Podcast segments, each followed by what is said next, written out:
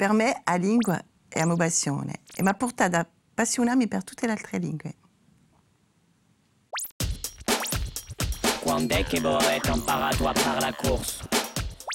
E a 20 anni che ho vissuto impara a língua, a ler, a escrever, a cabichar o seu funcionamento, a dividir dois cursos em Paris. E, e sobretudo em Córcega, ma c'è stato un tempo lungo di vergogna, sempre, sempre, qui, la gente che parlava, mi cacciava di manco una parola. E ma non parlava mica. Dunque, a poco a poco si è imposta a me la lingua quantunque. È stata veramente una scelta e un giorno ho il basso e ho il mio lavoro. La? Parlo corso come viola, diciamo, perché ci tengo, eh, con certi amici, eh, con i miei vicini, perché in un casamento pure Simona Iaccio, in un casamento parlo con i che parlano corso e poi soprattutto oggi parlo in un lavoro perché sono direttrice di lingua corsa, parlo con i miei colleghi e con tutti i partenari, attori culturali eh, e dunque è diventato veramente un, un, una scelta di vita. Chi rappresenta per voi la lingua corsa?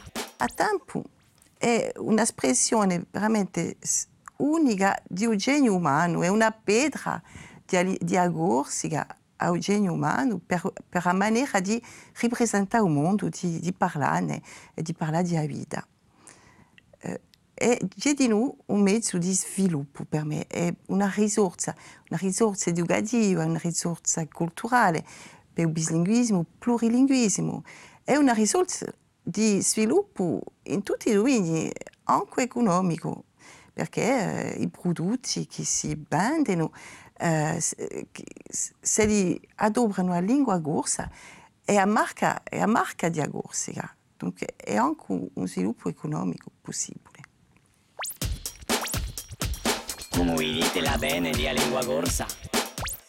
Dunque, per me sono ottimista, ma penso che ci vuole una volontà individuale, collettiva, per fare la lingua moderna, che la può essere, con tutte le sue dimensioni, in un dominio sociale, economico, eh, in tecnologie nuove, perché penso che, che veramente un, un luogo eh, in cui si può sviluppare la lingua, avevo dunque una lingua completa con tutte le sue dimensioni se non ci diamo i mezzi di valla.